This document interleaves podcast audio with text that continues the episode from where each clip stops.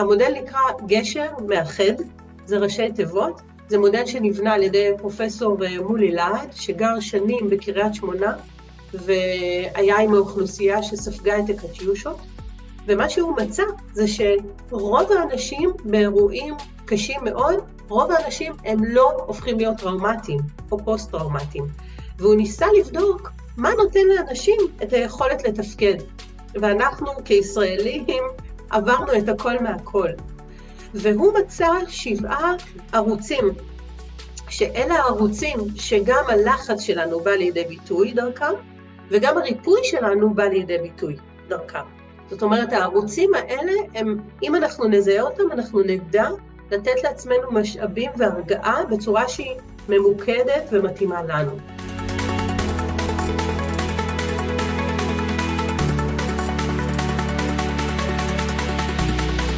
ברוכים הבאים לפרק נוסף בדברים שלא לימדו אותנו על כסף ועכשיו לאור חרבות הברזל אנחנו הולכים לדבר על נושאים אה, אחרים טיפה ואנחנו הולכים לעשות סדרת אה, סרטונים. הזמנתי לכאן את אה, צחית תודה צחית שאת הואלת לבוא שהסכמת לבוא.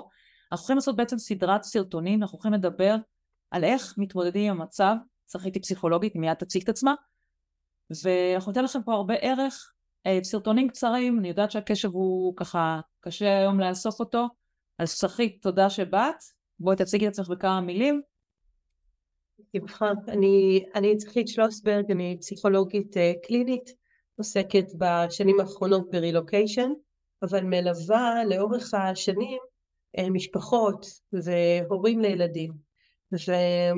והחלטנו, את ואני, שאנחנו נעשה סדרה של סרטונים קצרים. אני מצל... מקווה שנצליח להכניס את זה ל-20 דקות, uh, ממוקד גיל, כדי שכל אחד יוכל למצוא את הגיל שלו ולהיכנס ולקבל את הידע ערוך, מסודר, שימושי ולהשתמש בו.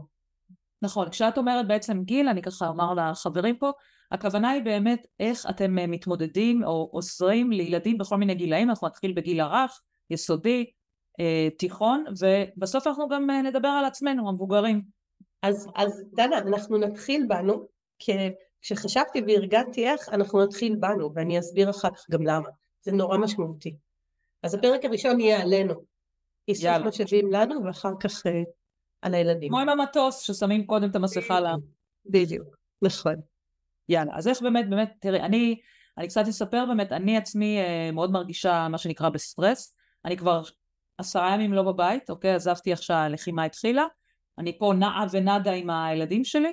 עם הילדות שלי, ובעצם אני מרגישה שקודם כל הזמנתי אותך, קודם כל להתחיל בשבילי, אחרי זה כל, ה... כל החבר'ה האחרים, מה שנקרא. אבל באמת, אני בטוחה שככה, ממש קצת הומור, אבל אני בטוחה שכולם עכשיו מרגישים אותו דבר. אז איך מתמודדים באמת עם, ה... עם הסטרס הזה, עם זה שזה לאורך זמן, מה עושים? אז יש, אז יש כמה דברים שאני רוצה ככה להגיד ולעשות לנו סדר. חלק מהדברים אני מניחה שיהיו מוכרים, אבל אני רוצה לארגן אותם. קודם כל, חשוב שנזכור שהמלחמה הזאת לצערנו זה אירוע מתמשך. אנחנו לא יודעים כמה זמן זה ייקח, ויש כל מיני איומים מבחוץ ואי ודאות, ולכן יש משמעות לזה שאנחנו ניקח אורך נשימה וניתן לעצמנו משאבים שיספיקו לאורך זמן, גם בשביל עצמנו ובטח ובטח בשביל הילדים שלנו. לכן ככה בניגוד למה שדיברנו בהתחלה ואמרנו באיזה גילאים נתחיל, עשיתי חושבים ואמרתי אנחנו מתחילים בנו כי הילדים שואבים מאיתנו נחמה וחוזק והמשגה של המצב והם מרגישים אותנו גם את יודעת לא במילים ולכן אנחנו צריכים קודם כל לקרקע את עצמנו, לארגן את עצמנו, אחר כך אנחנו נוכל להיות מסוגלים להיות בשבילם בצורה טובה יותר. אז אנחנו נתחיל בנו. מתוך כן. כל החומרים, יש אין סוף חומרים שמסתובבים אה, ברשת, אה, בחרתי במודל שאני חושבת שהוא מודל מאוד יישומי, שאפשר יהיה לבחון את עצמנו, לתת לעצמנו, ואחר כך להשתמש באותו מודל בדיוק על הילדים שלנו. המודל נקרא גשר מאחד, זה ראשי תיבות, זה מודל שנבנה על ידי פרופסור אה, מולי להט, שגר שנים בקריית שמונה, והיה עם האוכלוסייה שספגה את הקטיושות, ומה שהוא מצא זה שרוב האנשים באירועים קשים מאוד, רוב האנשים הם לא הופכים להיות טראומטיים או פוסט-טראומטיים, והוא ניסה לבדוק מה נותן לאנשים את היכולת לתפקד. ואנחנו כישראלים עברנו את הכל מהכל. והוא מצא שבעה ערוצים, שאלה הערוצים שגם הלחץ שלנו בא לידי ביטוי דרכם, וגם הריפוי שלנו בא לידי ביטוי דרכם. זאת אומרת הערוצים האלה הם, אם אנחנו נזהה אותם אנחנו נדע לתת לעצמנו משאבים והרגעה בצורה שהיא ממוקדת ומתאימה לנו. אז בואי נתחיל עם, ה, עם הראשי תיבות ואני מזמינה כל אחד ממי שצופה בנו ומאזין לנו שיקשיב ויגיד מה הערוץ המרכזי שלי. יש לכל אחד מאיתנו ערוץ אחד או שני ערוצים, מקסימום שלושה, לא צריך לא להתפזר, שהם הערוצים המרכזיים לנו. אז מזמינה גם אותך לבדוק מה הערוץ שלך. אנחנו מתחילים את הגשר מאחד, ג' ג' זה הערוץ הגופני, זאת אומרת אנשים שבמצב של לחץ הגוף מתחיל לדבר.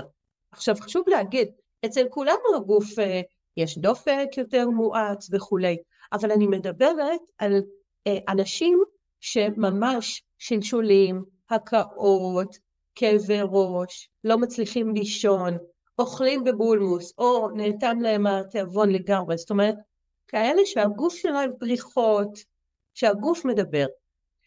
ואני קודם אזכור את, ה, את הערוצים, ואחר כך אנחנו נראה איך אפשר לעזור לכל אחד מהערוצים. זאת אומרת, אני עכשיו בשלב שאני צריכה לאתר ממה שאת אומרת, מה בעצם, איך אני מרגישה עכשיו, לפי הראשי תיבות שאת תגידי לי, נכון? בעצם איזה ערוץ אני היום מרגישה אצלי, בגוף שלי או בהוויה שלי. נכון? נכון. בעצם.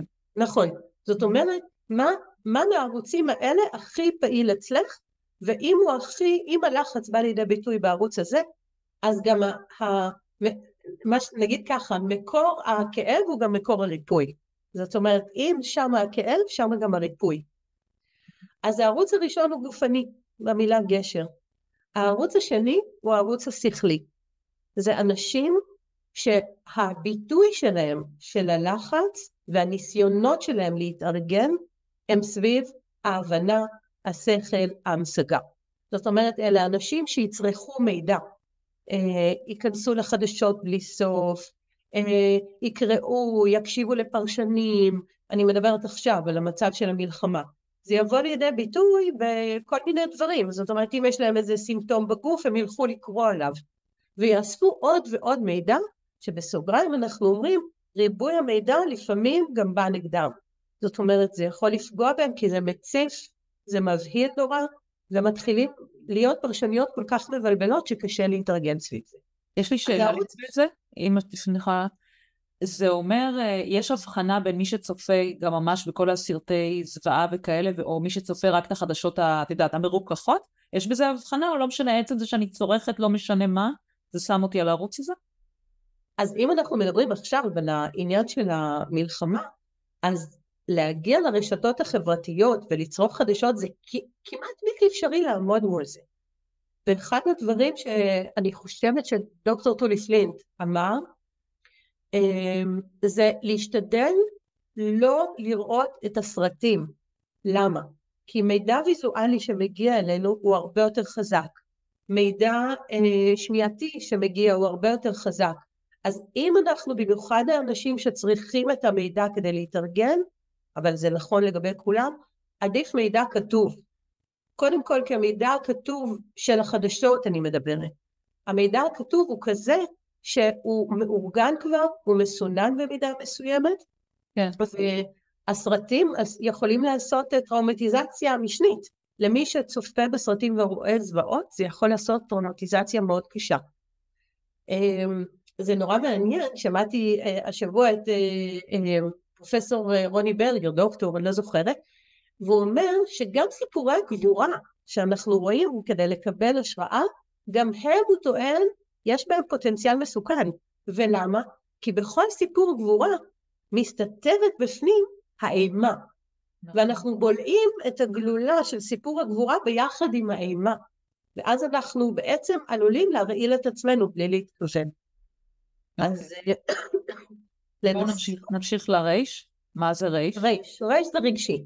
זאת אומרת, אנשים שהרגש עובד. אה, בוכים, צועקים, צריכים לדבר על הדברים, צריכים לספר למישהו וכולי. זה הרש של הרגשי. סיימנו את הגשר, עוברים למאחד. מם, משפחה. אנשים שבמצבי לחץ, מקור הכוח שלהם זה המשפחה שלהם. ואנחנו נראה אחר כך מה אפשר לעשות עם אנשים, איך אפשר לעזור. אבל אנשים שבעצם הנוכחות של המשפחה זה מרגיע אותם, זה מארגן אותם, הם לא צריכים מידע, הם לא צריכים ספורט, הם צריכים את המשפחה. אה, מאחד, א', אמונה. יש אנשים שמה שייתן להם את הכוח זה אמונה. זאת אומרת, והאמונה היא לא בהכרח אמונה דתית באלוהים. זה יכול להיות אמונה בכוח של צה"ל, זה יכול להיות אמונה ברוח הישראלית. אבל אנשים שהאמונה היא חזקה ולא הייתי לוקחת להם את זה. זה מקור כוח מאוד חשוב. Mm-hmm. מאחד הגענו לחטא, חטא חברתי. אנשים שאם יש סביבם חברה, זה מאוד עוזר להם. אה, אה, פגשתי אישה שהבעל שלה מגויס, והיא רק התחננה שיבואו אנשים, כולל זה שהיא ממש ביקשה שתבוא משפחה להתארח אצלה, כי נורא נורא קשה לה. והקהילה שהתגייסה לעזור לה, ניסתה לחשוב, רגע, זה לא יעמיס עליה? לא, זה לא יעמיס עליה. זה שיש עוד מישהו בבית, זה שנושם עוד מישהו בלילה לידה, זה מאוד מרגיע. וכנראה שהשידוך הזה עובד טוב. אה, הגיעה עם משפחה, וכנראה שהשידוך הזה עובד טוב. אז זה חברתי. והאחרון הוא ד', דמיון. אנשים, וכשאני אומרת דמיון, זה לא מי שרק הדמיון שלו עובד. זה מי שחלק מההתמודדות שלו עם לחץ, זה להעביר את עצמו להוויה אחרת. אז חלק מהאנשים יצפו בסרטים או בבינג'ים של סדרות, חלק מהאנשים ידמיינו את עצמם במקום אחר, אה, חלק מהאנשים יכתבו או יציירו אה, וכולי. זאת אומרת, אנשים שמעבירים את עצמם להוויה אחרת וזה עוזר להם. אז א', מבין, מבין אלה, את מרגישה בנוח להגיד מה שלך? כן, בטח, אפשר לדעת עם ה... קודם כל משפחה, באמת הרגשתי את זה. דבר נוסף חברתי, אני כבר שבוע נמצאת אצל חברים פה, אני עכשיו מקליטה אצל חברים, כאילו גם אישה שבעלה גויס אה, למילואים, אז אנחנו כאילו שתי אימהות עם, עם כל הילדים שלנו, אז קודם כל משפחה בחברתי כבר ראיתי את הדבר הזה.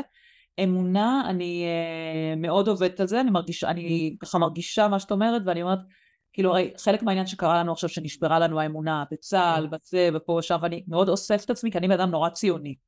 אז אני מאוד אוסף את עצמי כאילו לאחר, אוקיי, זה צה"ל, זה החיילים שלנו וזה, ואני באמת מרגישה שזה נותן לי uh, כוח.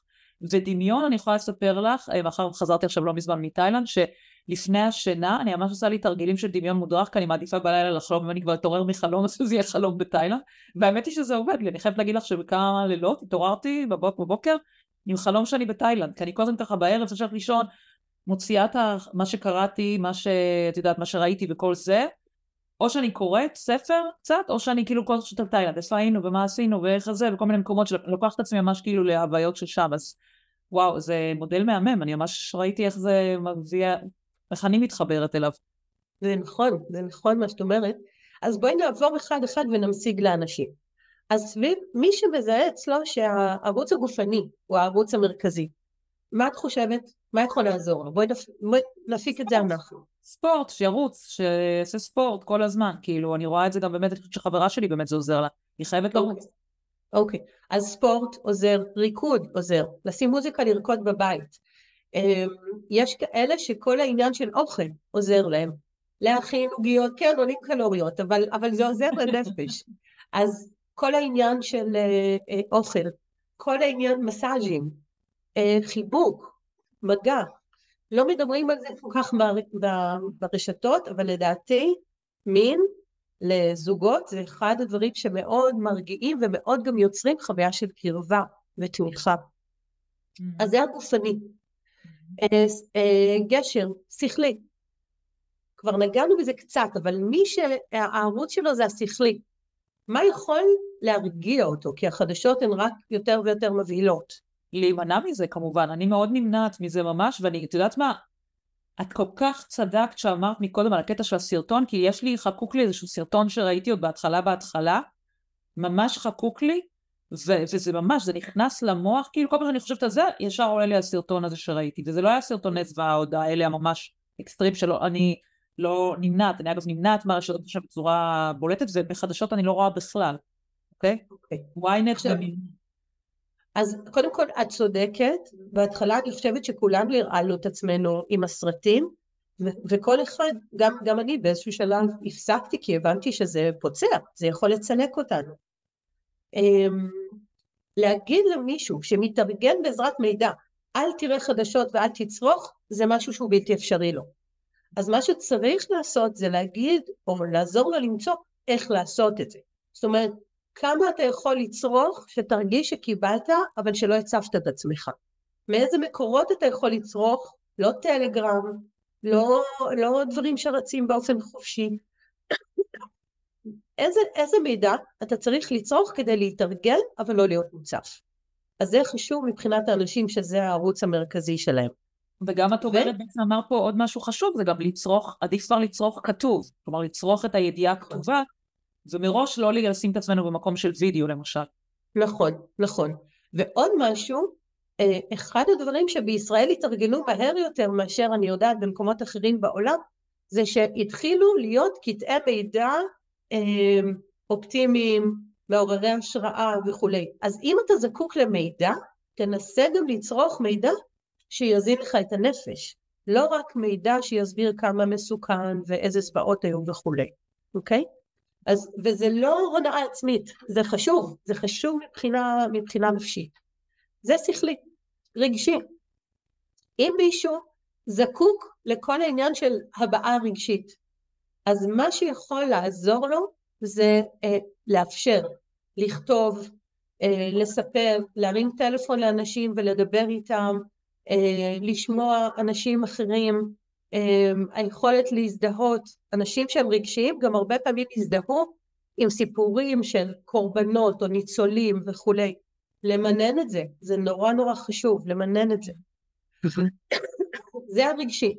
משפחה, זה ברור, ארוחות משפחתיות, וואטסאפ משפחתי, לשלוח וידאו של הילדים, אמ, להרים טלפון לאחיות, לבני משפחה, להיעזר במשפחה, ואני אגיד כאן משהו שגם נגיד את זה כשנדבר על הילדים, אבל בדרך כלל אנחנו המשאב של הילדים שלנו. במצבי חירום אני מרשה גם לקחת משאבים או לקבל משאבים מהילדים. למה אני מתכוונת? לקחת ילד כזה קטן ולהסניף אותו ולהתמלא מזה, זה נורא תודה שאמרת את זה. את יודעת כמה אני כל הזמן מחבקת אותם עכשיו? מזל שאמרת את זה. אני גם מרגישה את זה. זה נהדר, דרך אגב, גם, גם הילדים נעזרים מאוד מהמגע הפיזי שלנו, מאוד מאוד, אני ראיתי את זה גם, אחרי אחת ההרצאות הלכתי, הלכתי לאקצלון וראיתי את הילדים שלי, ואחד תפסתי, חיבקתי אותו, עטפתי אותו ככה, והוא נורא נהנה, והשני, שהוא על סף גיל ההתבגרות וזה, חיבקתי אותו וראיתי אותו עוצם עיניים, ואמרתי, וואי. ולי וזה לא, זה משהו ממלא. מטורף.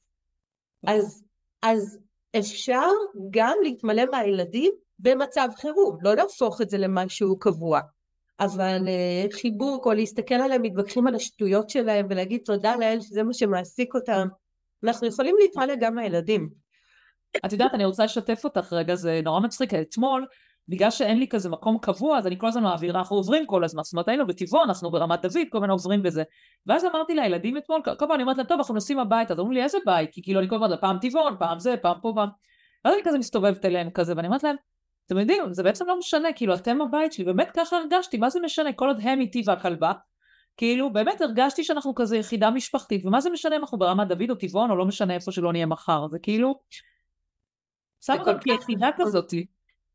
זה כל כך נכון, זה כל כך נכון, וגם הילדים שאוהבים מאיתנו, זאת אומרת, איפה שאנחנו נמצאים, שם הבית, או ש...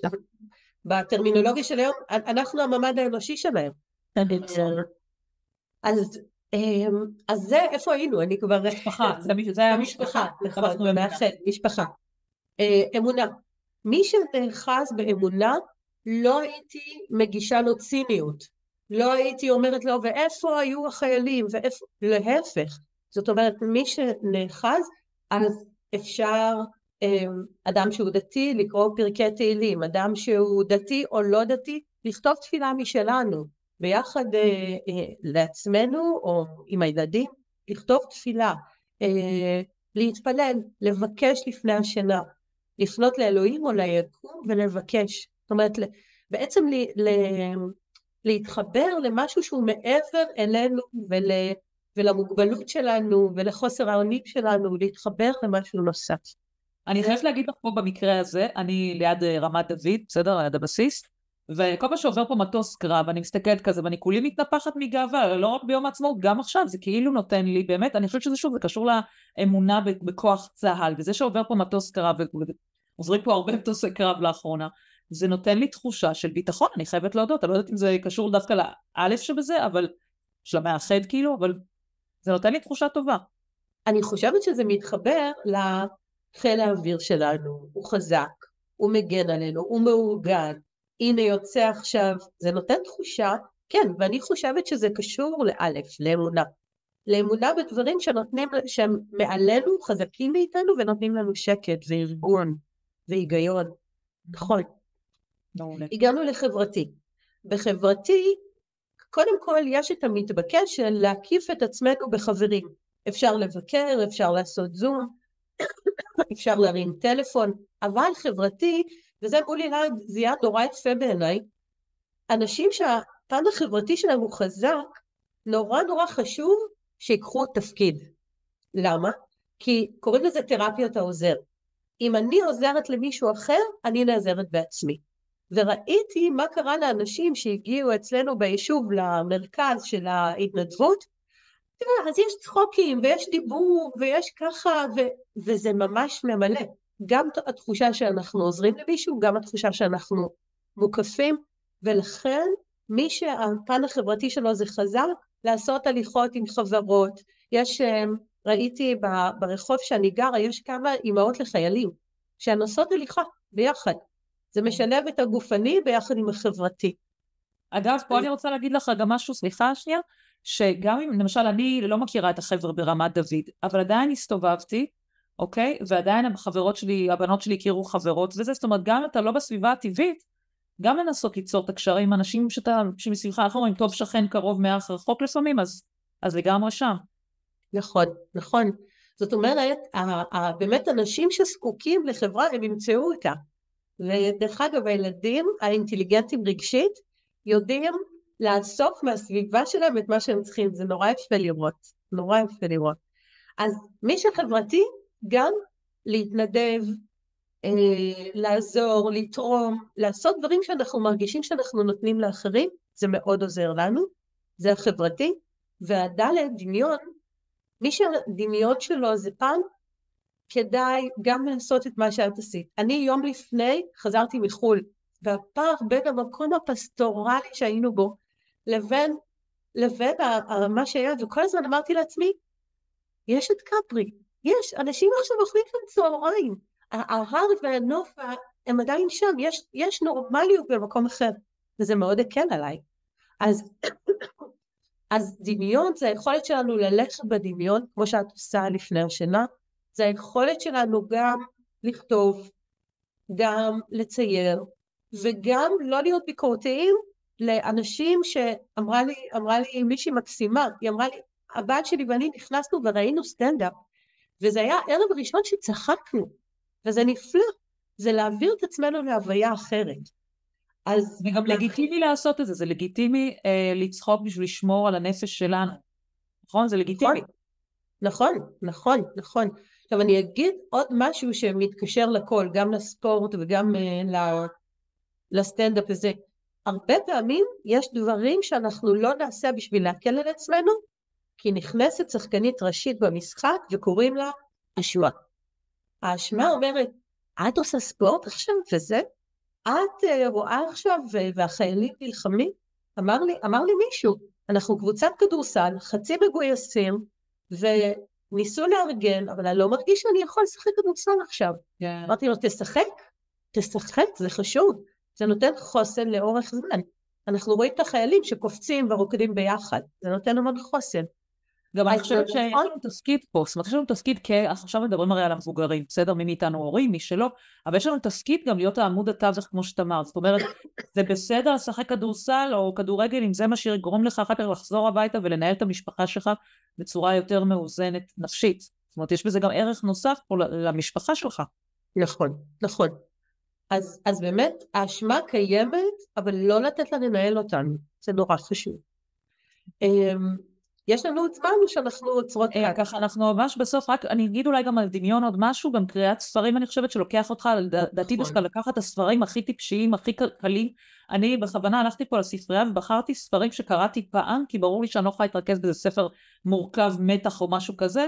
לקחתי ספרים כלילים שקראתי פעם כדי להוריד לי עוד פעם, את יודעת, תהיה לי מקום לברוח אליו לאיזושהי עלילה טיפשית של מישהו אחר.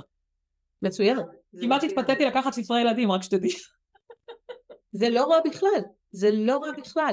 אה, סרטים, ספרים, מגזינים, אה, באמת, כל דבר ייקח אותנו למקום אחר. קיצור, אנה ואלזה, אנה ואלזה כזה. קחי אנה ואלזה, בשם הנפש הכל מותר. אמ, אני, אני רוצה להוסיף עוד, אה, אה, חשבתי לעשות עוד שני דברים, נשימות. אמ, תגיד, כמה זמן יש לנו, או שאין לנו יותר זמן? אה, בואי נעשה, יש, אם יש לך עוד נושא קטן כזה נכניס אותו בפנים, ואם לא אנחנו נעשה עוד פרק. אז תגידי לי את ככה... אוקיי. אז אפשר, אז אפשר גם, אנחנו כרגע נראה לי חצי שעה, משהו כזה, אפשר לסיים עכשיו והם ישמעו בסרטון הבא. בסדר? ניתן עוד קצת ערך, את רוצה? אמ, טוב, אז נעשה, אמ, אני אוסיף בכל זאת עוד משהו של ממש עניין של דקות. מצוין. מצוין. גם לא נעשה תרגול של נשימות, נשימות זה אחד הדברים שבדרך כלל אני לא עובדת איתם, ועכשיו מלחמה התחלתי לעבוד גם על עצמי וגם עם אנשים, וזה מאוד מאוד... בואי נעשה צחית, בואי ניתן אוקיי, ערך, בואי נעשה, אנחנו נעשה תרגול נשימות, בסדר? זה עוד מושג שאני חושבת שחשוב שנדע גם כמבוגרים על עצמנו וגם לילדים. מושג ממש בקיצור רב, קוראים לו חלון הסיבולת. מה זה חלון הסיבולת? אם נדמיין לעצמנו שיש איזשהו חלון שאנחנו מתפקדים בתוכו, בימים טובים אנחנו מתפקדים יותר גבוה בתוך החלון, בימים גרועים אנחנו מתפקדים יותר נמוך. במצבי לחץ קיצוניים אנחנו עלולים או לצאת מעל החלון, תכף אני אסביר, או ללכת מתחת לחלון. מעל החלון זה כשהגוף בעוררות יתר, אנחנו לא ישנים, כואב לנו הראש, לא מפסיקים לזוז, עצבנים, מעשנים, קצרים וכולי, זאת אומרת יצאנו מהחלון של הסיבולת, או כשאנחנו נמוכים מחלון הסיבולת, זה אומר אפתיים, דיכאוניים, לא יוצאים מהמיטה, לא מצליחים לתפקד. עכשיו כולנו, יש לנו ירידה מסיבית בתפקוד, זה בסדר, זה טבעי. כולנו בימים, או הרבה מאיתנו בימים הראשונים לא הצליחו כל כך לתשתן. זה טבעי לגמרי. אבל אם אנחנו מזהים שאנחנו נמוך יותר מחלון הסיבולת, או גבוה יותר מחלון הסיבולת, אנחנו צריכים לנסות להחזיר את עצמנו לשם, על ידי הרגעה, חברים, כל אחד בדרך שלו, ואם אנחנו לא מצליחים, לפנות לקבל עזרה. או עזרה מחברים, או עזרה מקצועית. אבל זה מאוד זה... משמעותי. יש לי שאלה לגבי זה, זאת אומרת, זה משהו אבל אני מניחה שלאורך זמן, יכול להיות שביממה אני ארגיש פתאום עוררות או, או ירידה, אבל אני, אני מניחה שאת מתכוונת על משהו שהוא סטטי לאורך זמן, מה לאורך ימים נגיד אם אני מרגישה נמוכה או, או גבוהה מהחלון לאורך זמן מסוים? אז זהו, אז זאת שאלה מצוינת. כולנו יש לנו עליות וירידות, את סופר צודקת. אני מדברת על מי שמזהה שבמשך אה, שבוע, למשל, הוא לא מצליח לרדת, או הוא לא מצליח לעלות, לבקש עזרה מחברים, משפחה, בני משפחה וכולי, או לפנות לעזרה מקצועית. זה נורא נורא משמעותי, אוקיי? Okay?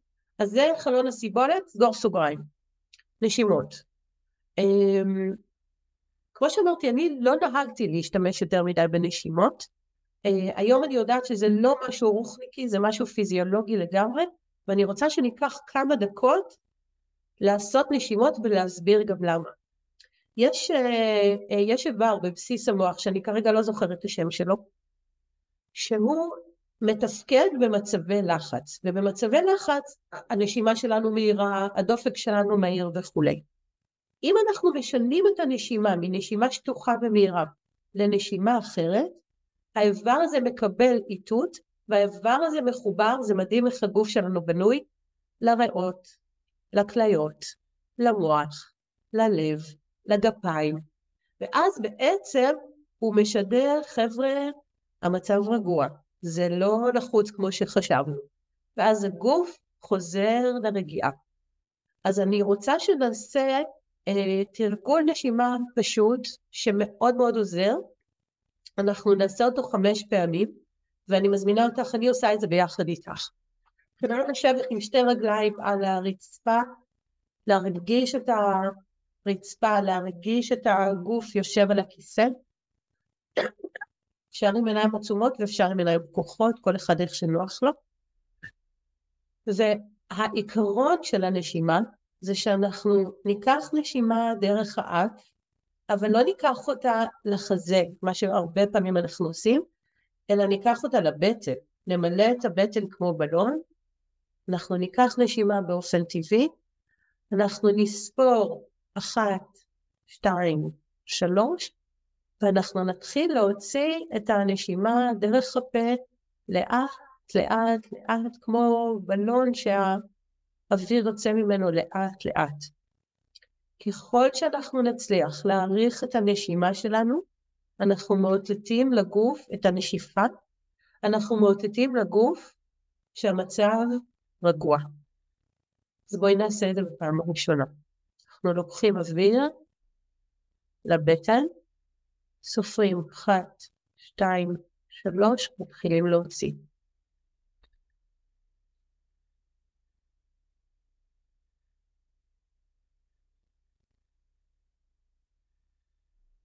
ושוב, בסוף הנשימה יש שלב שאנחנו בעצם מפסיקים לנשום, וזה טבעי וזה טוב. אני מזמינה כל אחד עכשיו, בקצב שלו, לקחת נשימה, לספור שתיים או שלוש, ולהתחיל להוציא לאט לאט, גם לספור כמה הוא מוציא. אנחנו נראה שעם הזמן אנחנו מוציאים ליותר זמן. אני עושה את זה גם.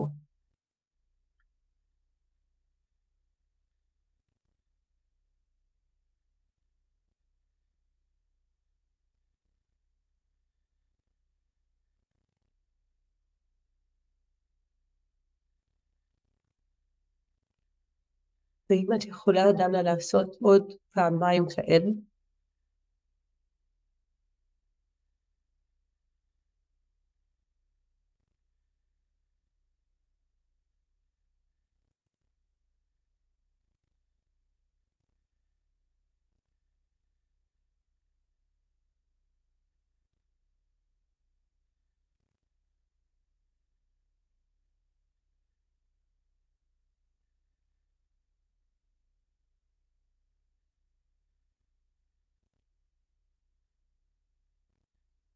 באמת מרגישים את זה.